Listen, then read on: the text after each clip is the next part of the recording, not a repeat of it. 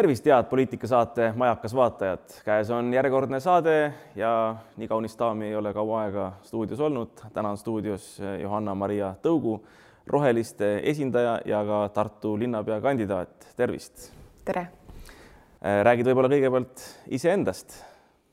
jah, et äh, ma olen äh, rohelise mõtteviisi edasikandja olnud juba sellest ajast saati, kui ma sain umbes kuusteist ja ma tegin Pärnusse aastal kaks tuhat kuusteist, tegin siis äh, Eesti ja ka Baltikumi esimese pakendivaba poe. ja minus oli selline, ma ütleksin, mässumeelsus ja ma tahtsin näidata, et sellised suured kaubanduskeskused ei saa äh, äh, nii-öelda kõike võimust võtta ja tahaks selle vastu midagi teha.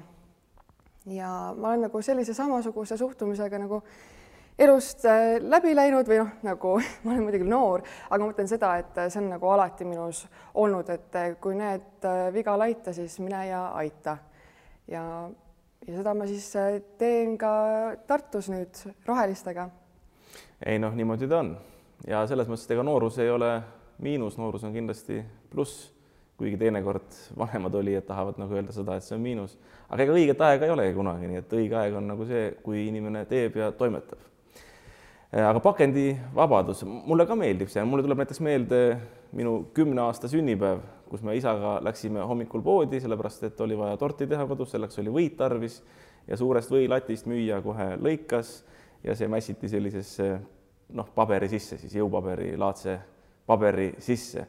et tegelikult see pakendivabadus on ju nagu olnud, noh, see oli sellel palju vihatud nõukogude ajal, aga nüüd see vahepealne aeg on nagu toonud kilekotid ja muu taolise asja. kuidas siis on, et tegelikult peaksime tagasi nagu juurte juurde liikuma. Jah, ma arvan, et kindlasti on väga palju selliseid asju, kus me peaksime õppima just oma eelkäijatelt, et äh, loomulikult ma ei sümpatiseeri nagu tolleaegse majandussüsteemiga, ühiskondliku süsteemiga, aga, aga see ikkagi, et äh, et kui palju lihtsamalt on võimalik tegelikult asju teha, et äh, parasjagu on, on siis niimoodi, et äh, asjad, mida me saaksime tegelikult Eestis ise toota, toetada oma Eesti tegijaid, oma Eesti ettevõtjaid, oma kogukonda, aga, aga turg on äh, väga kreenis äh, välismaise kauba poole. Ja, ja see kaup peab käima pool maailma enne läbi äh, plastikusse pakendatuna, et, et jõuda tarbijani. Ja mina arvan, et, et ei, me ei pea sööma Maroko purgandit, eks ju, et tegelikult et äh, Eestis on äh, suurepärast äh, toodangut ja me võiksime seda rohkem toetada. aga kuidas seda teha, kustpoolt see algus peab saama või kus, kus see mõistus peab nagu tulema? et kas tarbija poole pealt, tootja poole pealt, riigi poole pealt või kustkohast? see on väga hea küsimus, hästi palju seda küsitakse ja see on selline keskne ja ka selline ürgne probleem, et kust see muutus siis tulema peab, et selles, seda poodi tehes mina nägin, et no ma tundsin, et äh, üksiku tarbijana mul on väga raske selle vastu võidelda, ma lähen supermarketisse, minu ees äh, vaatavad äh, vastu noh, nii-öelda piiratud valik ja ma, ma pean enda valiku sealt tegema ja kui ma seda ei tee, siis ma pean nagu, ma pean sellest süsteemist nagu väljuma, ma pean sellele vastu töötama ja see on väga raske, ma pean äh, eraldi talunikega kokku saama, nendega asju kokku leppima Ehm, ja siis ma mõtlesin, okei okay,, et aga siis ma võimaldan seda teisele, et ma teen ise need kokkulepped ära nende talunikega ja tootjatega ja ma, ma teen sellest poe. ma pakun ka teistele seda. Aga Pärnu on väga hooajaline linn ja majanduslikult oli seda keeruline ikkagi üleval pidada, pluss see on väga niši teema veel. kui noh ehkki see oli nüüd siis äh, viis-kuus aastat tagasi, täna on neid pakendivabasid äh, poode juba rohkem ja ka selliseid nišipoode, et neil läheb juba palju paremini, väga rõõmustav. Äh, aga kust siis see muutus tulema peaks, et ma nägin, et, et väiksed asjad loevad et äh, aga suuremad asjad loevad rohkem, ehk siis kui sa võtad selle krõpsupaki maast äh, ära, võid äh, patsutada end õlale, et tubli oled, aga siiski suurkorporatsioonid ja see süsteem töötab ikkagi sinu vastu, toodab palju suuremas mahtudes seda kahju äh, keskkonnale ja ka tegelikult majandusele, sellest me üldse ju ei ole siin avalikkuses rääkinud, kui palju tegelikult see kahju toodab lihtsalt tulevikus, see on nagu selline intress, et mida me hakkame maksma tulevikus, et äh, kõik need keskkonnakahjud me maksame ise kinni ja mina maksan selle kinni ja need vanemad generatsioonid äh, jah, saavad lulli lüüa. ja sina aga..., kes sa saadet vaatad, ka maksad kinni selle jah, ja nii ongi, et noored peavad päriselt ka enda tuleviku eest võitlema ja et see tagasi saada ja et Eesti saaks kesta. Äh, ja tulen jälle siia sellesama küsimuse juurde tagasi, et ma, et ma liiga pikale ei läheks. et no seletasin ära, et noh, üksik inimene on oluline aga mitte piisav, ehk siis ka riik peab midagi tegema, riik peab tegema selle raamistiku, milles äh, saavad tootjad mugavalt toota selliseid äh, tooteid teha selline süsteem, ähm, et neil on hea, äh, nende ettevõte töötab ja ja samal ajal on ka tarbijal väga mugav, ehk siis tarbija ei pea vastu voolu ujuma, vaid ta lihtsalt läheb selle vooluga kaasa, ta ei pea kaks korda isegi mõtlema. ja, ja siis ongi, et poolel teel saavad kokku riik, äh, ettevõtjad ja, ja tarbijad. jah, see on selline ilus vaade, ma olen põhimõtteliselt teoreetiliselt nõus, aga praktikuna ma pean ütlema niimoodi, et näiteks meie Tartu Hoiu-laenuühistus, mille juhatuse esimees ma olen, äh, oleme ka teinud palju rohkem liikmete jaoks ja püüdnud seda liikmete ühistegevust tuua, kui seadus seda käseb ja võib-olla teinekord isegi natuke rohkem, kui seadus seda võimaldaks mingisugusel noh, ütleme bürokraadi poolt loetuna, et tuleb nagu tõlgendada seda seadust inimese kasuks.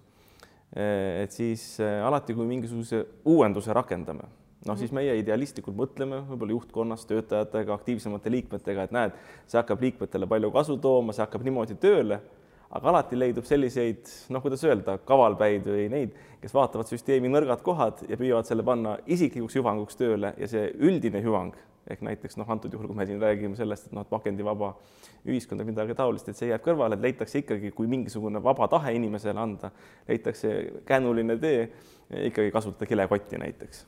loomulikult ja kilekott on suurepärane materjal ja, ja ma ütlen ka seda, et need äh, igas süsteemis on, on alati hulk inimesi, kes äh, oskavad seda väga hästi ära kasutada niimoodi, et just neil oleks kõige mugavam, et see, see on nagu, see on absoluutselt iga süsteemi puhul ja see on arusaadav, et on need, kes lipsavad läbi sellest, on ju aga noh, mina olen siin täna, et mitte inimestele asju keelata, vaid mina olen siin, et võimaldada ja reaalselt pakkuda äh, selles mõttes ikkagi noh, kõige lihtsamalt mõttes, ähm, et äh, paremat elu.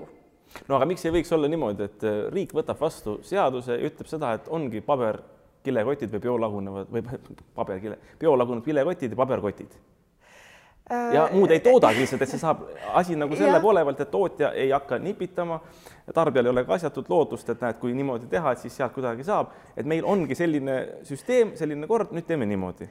see on väga huvitav mõte, ma ütleks, et mingil määral isegi äh, utoopiline, et äh, mina arvan, et äh, noh, selliste materjalide äh, keelamist otseselt äh, vaja ei ole, aga noh see on nagu siis nagu laiemas plaanis.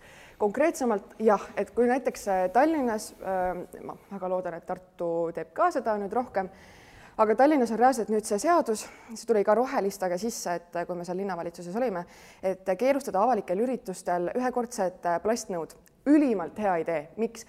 Äh, inimesed, kes on käinud suurematel üritustel a la noh ma ei tea, äh, kontserdid, eks ju, õllesummerid, laulupeod, meil on seal sada tuhat inimest, igaüks võtab paar jooki, võtab paar einet ja nüüd korrutame läbi need ja, ja ma olen nagu käinud mitu korda festivalil ja, ja noh, mäletan neid pilte õllesummerist. astusin, hakkasin astuma koju õhtul ja need tohutud inimsummad siis selle eh, merevärava poole, päike langeb, eks ju, loojub ja, ja siis meie ümber on plastikmeri. Mm.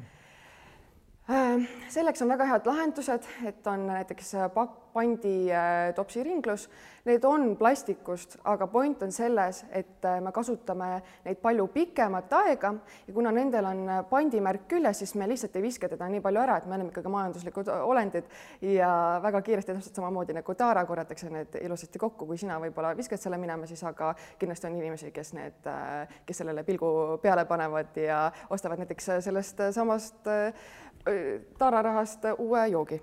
No nii on ja noh, siin ma tooks ühe aspekti veel. näiteks sünnipäevadel on hakatud kasutama noh, selliseid ühekordseid nõusid, asju. see ei ole ka väga esteetiline minu arvates, minu kui esteetiku arvates, sellepärast et kui on olemas serviisid, miks mitte kasutada neid, et kui võtame välja. siit alla kultuuritaset, siis ta läheb igal pool alla. jah ma olen täiesti nõus, et no muidugi, et esteetika on, on ka väga oluline ja vaata see tunne, kui, kui sa ikkagi, sul võib olla ju parim roog, aga kui see on ometigi plastplatel ja, ja nüsid seda selle mhm. noakesega, siis äh, ei ole väga uhke tunne, ausalt öeldes mul on nagu väga ebamugav ja kõige hullemad on minu meelest noh, need äh, papist, et äh, nendega on nagu tõesti ebamugav. aga kui rääkida ka tervisest, siis meie ei tea veel täpselt, mis on plastiku pikemad mõjud meie tervisele ja ma arvan, et see on noh, kuidas ma ütlen, et äh, minu meelest see on ebaaus, see on äh, ma, ma, ma ei tea, kas see on nagu kuritegelik, aga igatahes äh, mikroplasti on meie ümber liialt palju ja kuna ta on väga odav materjal, siis teda ka eelistatakse. aga endokriinsüsteemile on tal täiesti nähtavad mõjud ja, ja me näeme, et meie elus looduses ja noh, näiteks kalad, eks ju, et äh, see on täielik äh, probleem ja Läänemeri näiteks on üks maailma reostumaid meresid, sellest ei räägita aga see on probleem. Ja meie sööme seda toredat kodumaist räime, jubeldame, aga tegelikult see ei pruugi üldse nii kasulik olla. no nii on. Ja ega lõppkokkuvõttes on see, et eh, see imbub ju kehasse kõik sisse, need halvad ained aiu ka, nii et võib-olla ongi väga paljudel sellepärast plastikahjud. Kui ma radikaalselt niimoodi ütlen. okay noh, ja mina mõtlen veel selle peale, et mis saab siis saab meie viljakusest, et kui me räägime endokriinsüsteemist, siis see on otseselt seotud viljakusega ja kui me räägime sellest, et Eesti võiks kestma jääda, meil võiks on, siin olla inimesi. Ähm, ja. kuule, aga arutame sel teemal, võiks olla Hästi. inimesi. vot väga paljud ütlevad niimoodi, et, et on vaja rahvaarvu suurendada. teisest küljest mina väidan nagu seda, et äh, intelligentsuse tase või ütleme, tarkade mõistusega inimeste hulk ühiskonnas on konstant kui meil oleks sada tuhat inimest, näiteks nagu Põhjasõja järgselt oli Eestis sada tuhat mm. inimest, sada tuhat eestimaalast, kas me siis mitte ei suudaks kuidagi mõistuslikumalt edasi minna?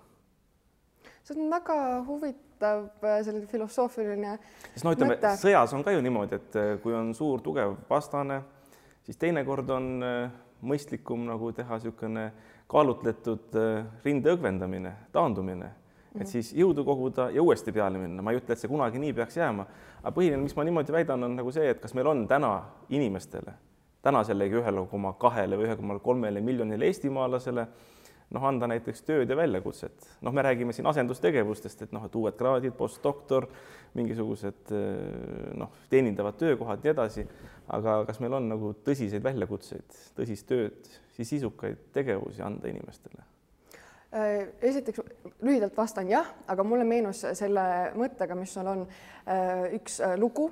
Ja ma käisin Pärnu Sütavaka humanitaargümnaasiumis ja seal oli üks ajalooõpetaja, suurepärane, armastan teda väga ja tema üks selline kild, mis on siiamaani nagu meelde jäänud, see on läbi aastate ega õpilasi nende meelt lahutanud et eh, miks eestlased siis läbi aegade ellu jäid, miks me, noh, meid on ju ometigi ju nii vähe olnud, üle on käinud erinevad okupatsioonid, võõrväed, eh, katkud, näljahädad eh, ja, ja igasugused, noh, vahepeal oli isegi väga, noh, näljahäda tuli ka sellepärast, et lihtsalt nii ootamatud kliimatingimused olid.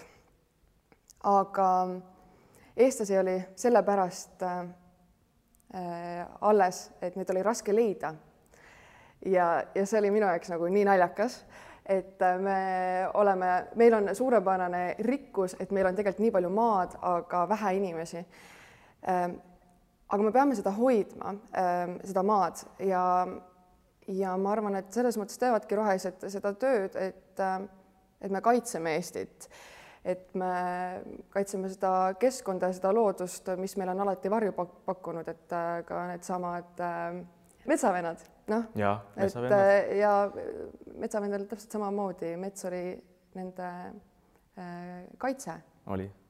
just hiljuti kuulasin Alfred Käärmani intervjuud, ta oli mm -hmm. üks äh, niisugune legendaarne metsavend Eestis, elas Valgas ja ja ta on välja andnud ju Metsavenna käsiraamatu mm, -hmm. mis minu arvates võiks olla keskkooli lõpetamise eeldus Eestis koos vastava praktikaga nii poistele kui tüdrukutele mis õpetaks nii looduslähedast elu kui ka hakkamasaamist eh, noh, keerulistes tingimustes, näiteks elada üks talv metsas, sest seal ta õpetab ju seda oma kogemustest lähtudes, kuidas ehitada punkrit. noh, see tähendab seda, et tänapäeval ostetakse maja arendajalt või korter, eks ole, aga oma käelised oskused on jäänud tagaplaanile, et kui midagi juhtub majandusega, noh, sõda, looduskatastroof, asi, no inimesed teavadki, peavarjud on nõutud, mida teha. samamoodi ära, on nõutud, mida teha.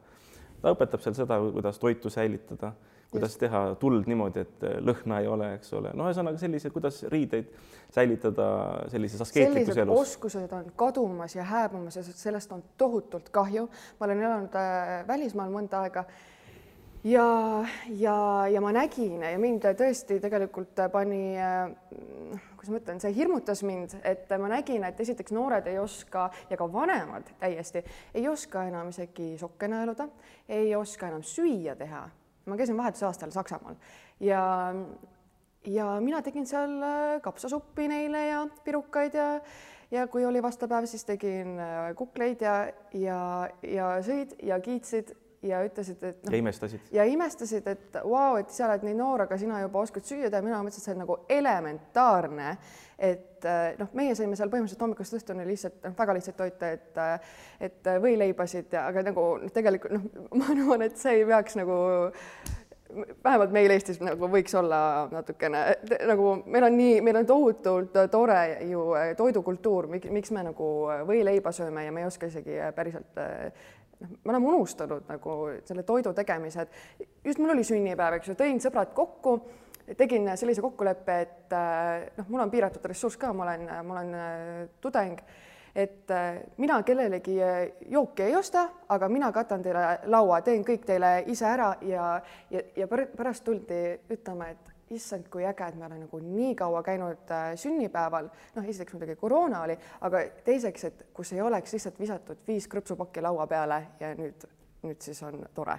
see on väga eeskujulik. jah, ma arvan, et sellist asja võiks rohkem olla, inimlähedust ja autentsust. võiks, see on juba osa kultuurist, mis on ka samamoodi hääbumas. Äh, aga sa mainisid siin seda, et, äh, et ühesõnaga toit ja üldse ma usun, et tooted tegelikult võiks olla toodetud, mida lähemal, seda parem. aga seda segavad eh, kaubanduslepingud Euroopa Liiduga ja Euroopa Liidu sees. sellepärast, et eh, minu arvates Euroopa Liidu mõte, ma ei ütle seda, et, et, et ma sada protsenti kriitiline olen selle suhtes, aga ma olen kriitiline selle suhtes, kus Eesti Valgast liigub piimaauto Läti Valka ja Läti Valgast liigub Eesti Valka, et ainukene, mis sellega saavutatakse, on see, et mõlemad riigid impordivad naftat, maksavad raha riigist välja autod kuluvad, varuosad, need ei toodeta ka ei Eestis ega Lätis, vaid tulevad väljapoolt ja raha liigub lätlaste, eestlaste käest minema ja lõppkokkuvõttes ma usun, et ka Euroopa Liidust minema, sest Euroopa Liit ei tooda ju naftat ja, ja järjest vähem toodab igasugust autovaruosasid mm. -hmm. nii et see on Euroopa Liidule kahjulik, et kaubavahetus peaks olema, aga see peaks olema nii-öelda targemate produktide või targemate, ütleme siis kaupade, teenuste osas, mitte selline, mitte primitiivne, aga lihtsad tooted, mida iga rahvas peaks tootma koha peal mm. -hmm. oled sa nõus sellega? Jah, ma arvan küll ja, ja rohelised on ette pannud ka sellise, sellega petitsioon, et äh, vähendada näiteks mahetoodete aktsiisi üheksale protsendile. Ja see on äh, minu meelest on äh, mõttekas, et seda on tehtud ka Euroopas ja kui vaadata näiteks Saksamaal tuled poest välja, vaatad, mis on tšeki peal, noh, protsendid on ju, käibemaksuprotsendid jooksevad seal, et kui Eestis on nii-öelda flat rate, eks ju, kakskümmend protsenti kõigele siis äh, välja arvatud aktsiisitooted ja mingid erandid, eks ju, aga, aga äh, Saksamaal on seda erisust äh, palju rohkem ja palgad on kõrgemad, aga toit on kohati odavamgi. ma ei ütle, et toit peaks olema üleüldiselt odavam aga ma ütlen seda, et vähemalt kodumaine peaks olema ja me saame seda teha just nagu aktsiisi läbi, ma arvan, parem, paremini või nagu mugavamaks, et seda süsteemi, et kui tõesti inimene läheb nüüd poodi, vaatab, noh, klassikaline näide on see tomat, eks ju, et meil on üks firma Eestis toodab väga häid taimekaitsevahenditeta isegi toodetud lihatomateid, suurepärased, no poolekilosed ja nagu väga mahlased ja head, aga ma ei saa neid osta, sellepärast et üks tomat maksab kaks eurot, noh, sest äh, kilo hind on nii kõrge. ja, ja, ja teisel pool on see Hollandi nii-öelda plasttomat. ja ometigi noh, ma pean seda ostma, aga ma tean seda, et, et sellel on hoopis teine olemine ja see noh, mõju ka tegelikult, et nii tervisele kui ka majandusele. ühesõnaga, kui noh, esiinimene on üleüldse hinnatundlik, et, et kui see aktsiisi äh, muutmine nagu kõne alla tuleks, ma arvan, et muutuks lihtsamaks. tead, ma ühe repliigi ütlen sulle pärast mm. saadet, kui sa mulle meelde tuletad ma kasvatan ise tuhandel ruutmeetril tomateid ja ma tõin mm -hmm. eelmine aasta Hispaaniast liha, suure lihatomati seemet, need on nagu niisugused poole kilost. kui sa meelde tuled, ma võin sulle teinekord tuua täiesti tasuta. väga tore, väga tore, pean sellest väga lugu. ja äh, väga hea ja väga õige, aga no ma siin mainisin kaubanduslepingut, minu arvates see poliitika käib ka üle meie peade, sellepärast et äh, minule teadaolevalt Euroopa Liidu liikmesriigid on kokku leppinud et, et kolmkümmend protsessi, protsenti ütleme siis toiduainete kaubandusest tuleb osta igal liikmesriigil teisest liikmesriigist mm -hmm. ja see on tekitanud ka selle olukorra, kus äh, põhimõtteliselt Hispaania, ütleme siis tomat on teinekord Hispaanias kallim kui seesama tomat müüduna Eestis näiteks mm. -hmm. et noh, tegelikult tuleks ju noh, päris minna selliste lepingute kallale ja öelda seda, et noh, see ei ole okei okay,, et hea küll, et tehke kosmosetoodetega niimoodi, aga, aga need, mida me saame kohapeal toota, et see, see peaks jääma siiski ju iga riigi enda lahendada ja teha mm. -hmm jah, ma ei saa sellele vastu vaielda kuidagi. no nii ta on, aga noh, ma ütlen, see mäng käib üle meie peade ja käib ka üle meie peade siin Tartu valimistest rääkides mm. -hmm. et eh, mida rohelised eh, Tartus tahavad teha teistmoodi, kui teevad teised ja teistmoodi, kui on tehtud seni? Jah, et äh, esimese asjana loomulikult äh, see ei tule kellelegi, ma arvan, üllatusena. aga äh, Tartu äh, rohealad on äh, teema, mida äh, rohelised äh, tahavad rohkem fookusesse võtta.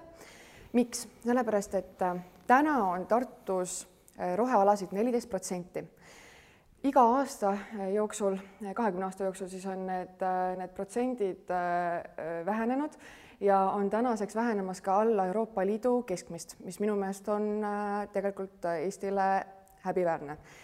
ja noh, täna on aasta kaks tuhat kakskümmend üks, et see, mis meid on äh, siia toonud, äh, ei vii meid enam edasi, sest kui me näeme, et need rohealad on vähenemas, me näeme ilmselgelt trendi, siin tuleb see fookusesse võtta ja tuleb kindla, kindlalt nii-öelda jalg maha panna ja öelda, et nüüd on stopp ja pöörame selle paadi nüüd ümber.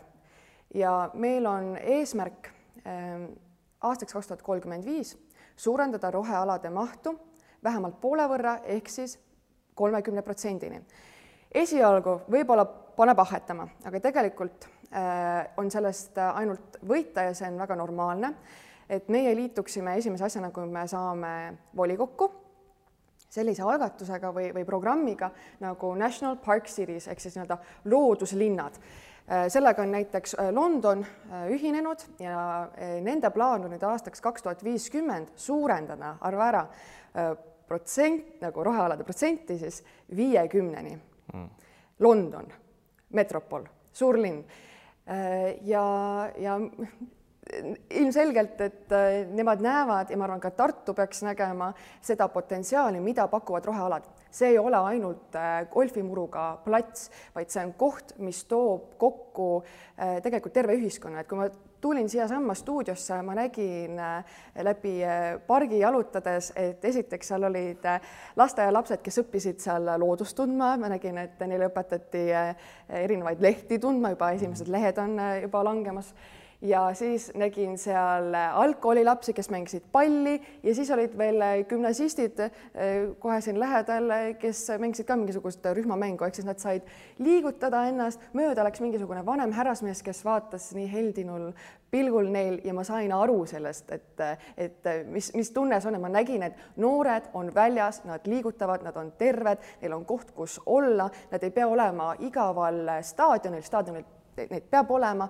aga samuti peab olema lihtsalt äh, toredaid kohti, äh, kus on nagu, ongi mõnus liigutada, et sa ei saa nagu ise arugi, et sa liigutad tegelikult. ja samal ajal me loome ju sõpruseid, äh, kui me noh, me saame, me saame olla üksteisega nagu ristuda linnas, eks ju, et kindlasti kokkusaamiskoht, tervisele hea, keskkonnale hea, majandusele hea, teeb hea elukeskkonna meile, et inimesed ka päriselt siia Tartusse jääksid, kuidas need head mõtted siis tulevad, kui mitte lihtsalt äh, Tartus äh, Toomemäel jalutades?